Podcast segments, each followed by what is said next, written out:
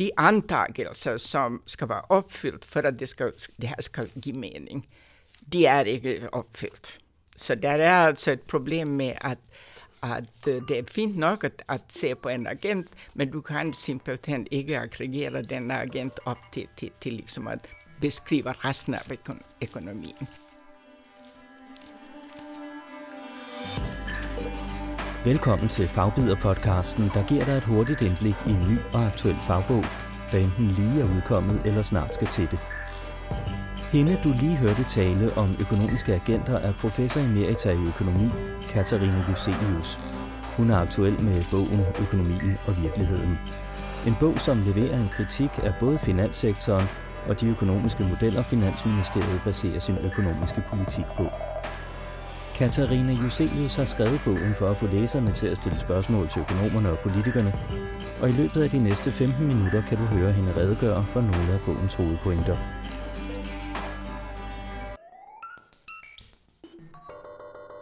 Jag skrev boken för, fordi jag ville förklara för allmänliga människor på en icke-teknisk måde, alltså mekanismer, ekonomiska mekanismer i samfundet som resulterar i bubblor och, och, och, och i olikväkter. Och det kan vara liksom för exempel att husprismarknaden är i olikväkt. Det, det var husprisbubblan i 2007 som då resulterade i den stora äh, äh, finansiella krisen och så vidare. Men det här, eh, det, det här var ju liksom en sort svene. Vi har faktiskt olikväkter och, och, och bubblor i stort sett hela tiden. Och jag syntes det är viktigt äh, att kunna förklara de här mekanismerna på en måde så att allmänna människor kan, kan för exempel ställa spörsmål till äh, politiker, till äh, journalisterna, kan, kan ställa spörsmål till ekonomer och så vidare.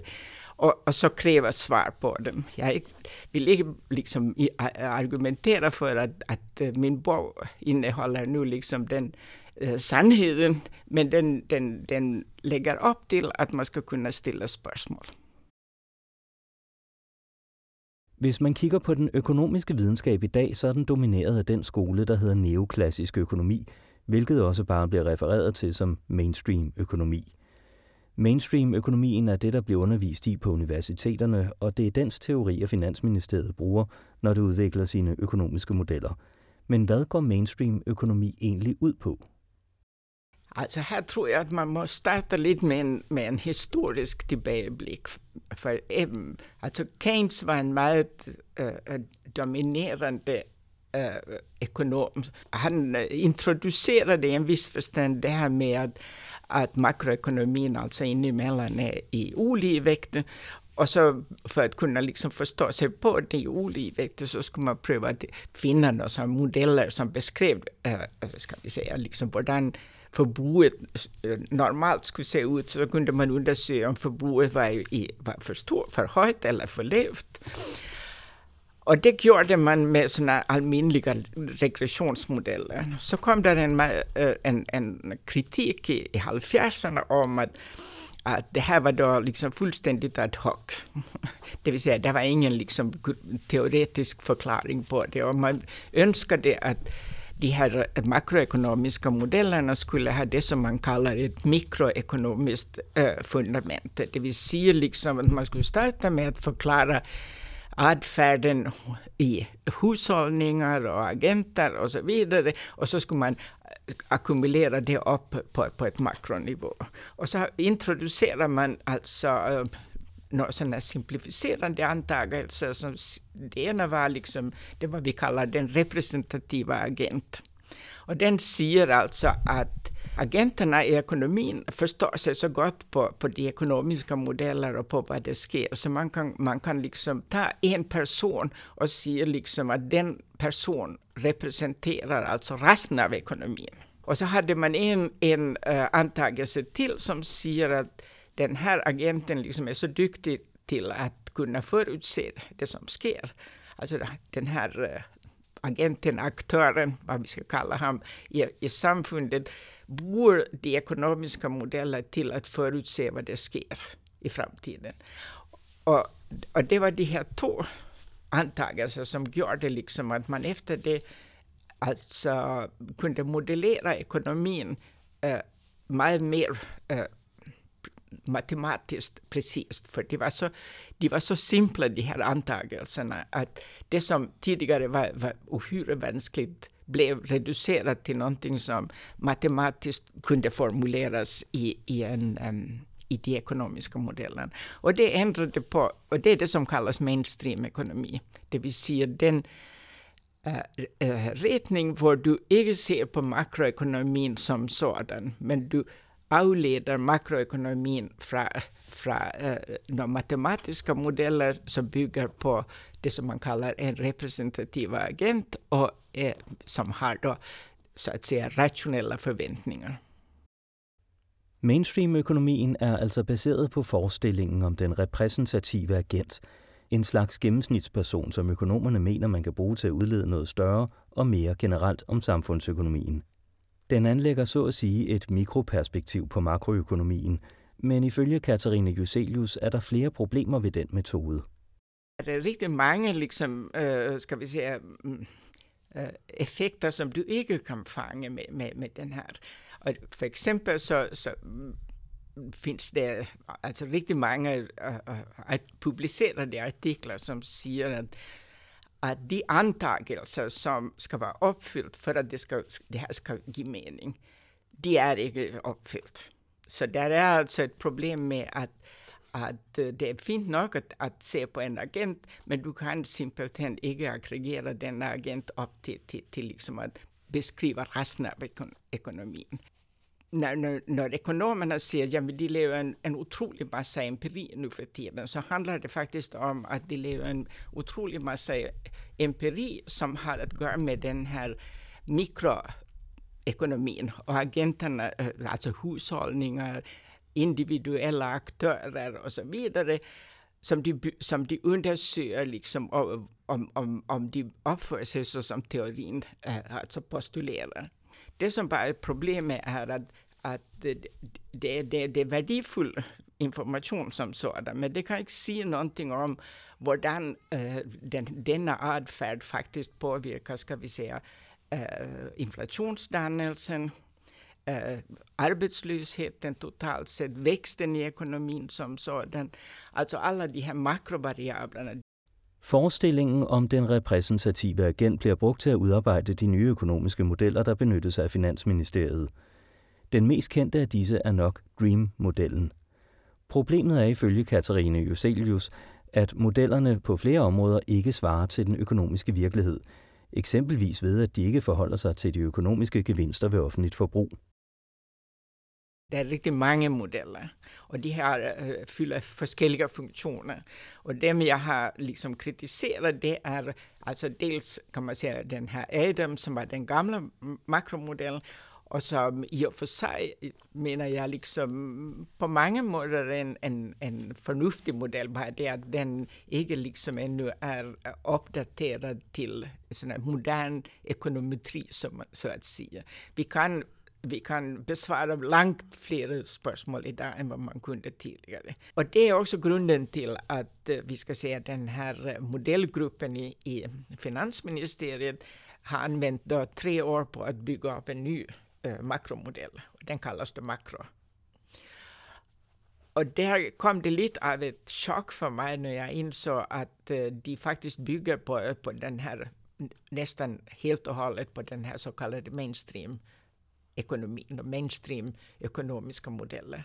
Det vill säga liksom de postulerar några ekonomiska sammanhang som jag vet från min forskning är alltför simpla. Det kan vara liksom effekten av det offentliga förbruket på, på ekonomin. Alltså där har jag ju bland annat liksom undersökt det och konstaterat att äh, det offentliga förbruk har en mycket stor positiv effekt på, på, på, på växten i ekonomin. Och det står då eh, i motsättning till ska man säga, den, eh, den antagelse som de här modellerna bygger på, att det faktiskt är de privata verksamheter som driver det hela, som är det viktigaste. Som ett alternativ till de mainstream økonomiske modeller, har Katarina Juselius sammen med sin mand, der også er økonom, udarbejdet den økonomiske model, som går under navnet CVAR, eller den kointegrerede VAR-model. Den blev bredt anerkendt inden for den økonomiske videnskab, og tilbage i 90'erne, hvor hun publicerede modellen, var hun den 8. mest citerede økonom i verden. Spørgsmålet er bare, hvorfor hun mener, hendes model er bedre end de mainstream økonomiske modeller. Alltså det behöver inte nödvändigtvis vara, men det, det var eh, forskningen forskellen mellan liksom den här, den tillgång som den här så kallade uh, kointegrerade varmodellen ger, alltså det som vi kallar C-varmodellen, det är att den kan bos som en ett verklighetscheck av de ekonomiska modellerna. Och det gör den för alltså, vi startar med, med att välja, utvälja precis de samma data som man vill, ville välja liksom, hvis man nu var en, en, en sån mainstream-ekonom och hade sin egen modell. Men istället för att, att liksom pålägga en massa band på, från begynnelsen på data för att det ska passa med den här, den, den här mainstream-modellen, så startar vi med att beskriva den statistiskt mycket, mycket brett.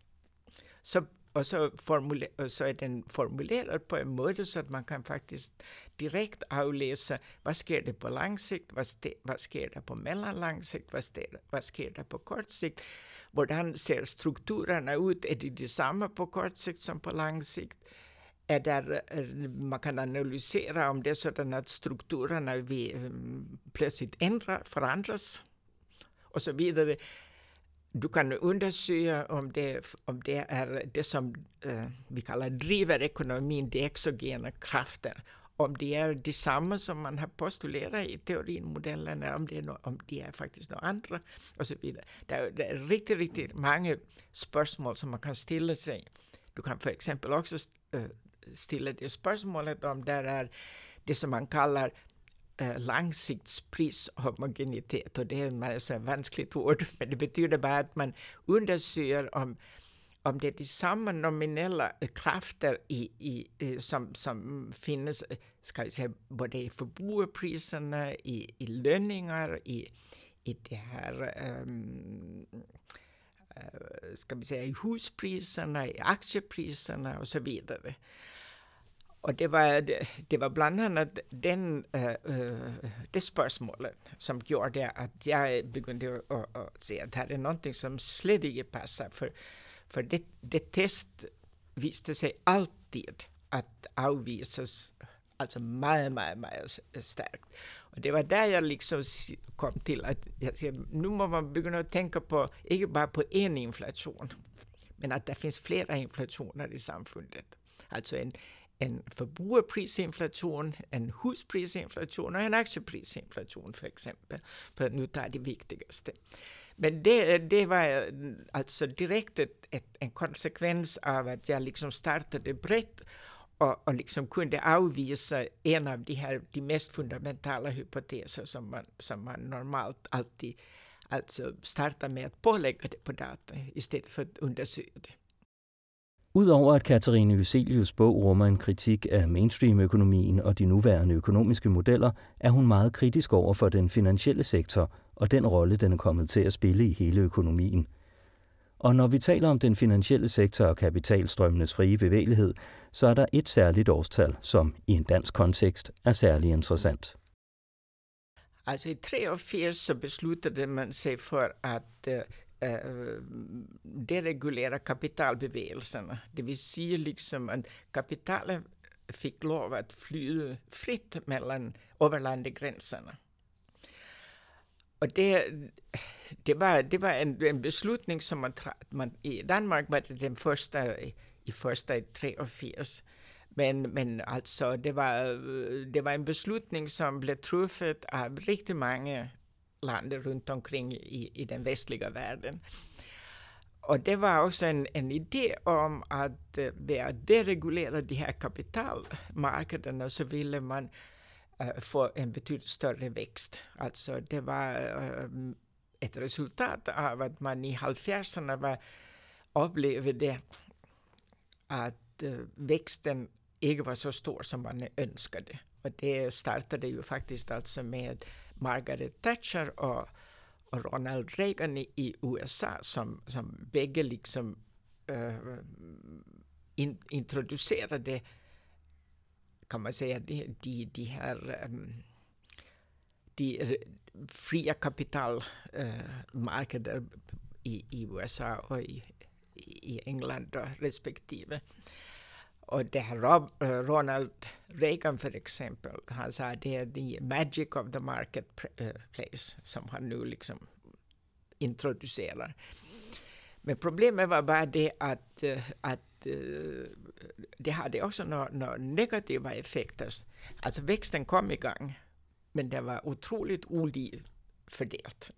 Alltså det var faktiskt alltså de, de rikaste, de som hade råd att spekulera i, i, i, i eh, aktiemarknaden eh, och, och, som hade en hel del alltså kapital att gå gott med, som det hade en, eh, hade en positiv effekt för. Men um, det, det var begynnelsen kan man säga till, till um, den stora olikhet som vi upplever i dagens värld. Med att de som då hade råd att investera i, i bolag och i, i, i det här aktier och så vidare, de fick faktiskt en mycket stor, under, eh, i, i de 35 år som har gått så har, har liksom, kan man säga att aktieformen vuxit med, med eh, 7 procent per år, vilket måste inte lyda så mycket, alltså den reala värdet av, av, av de här. Eh, av, av aktieformen.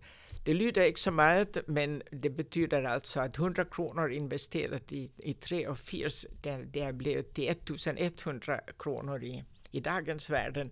Men löningarna, 100 kronor i, i löningarna är, är blivit till 200 kronor. Så det vill säga liksom att att vi har, det, här, det, det resulterade i en, en att, ska man säga, en stor olikhet i termer av vad du kunde uppnå av former vid att arbeta eller vid att spekulera. Hvis du har fået lyst til at læse Katarina Juselius bog Økonomien og virkeligheden, så er den udgivet på Informationsforlag og kan bestilles på internettet hos din lokale boghandler eller naturligvis lånes på biblioteket. Du har lyttet til Fagbider, som Andreas Lykke Jensen har sat sammen. På genhør.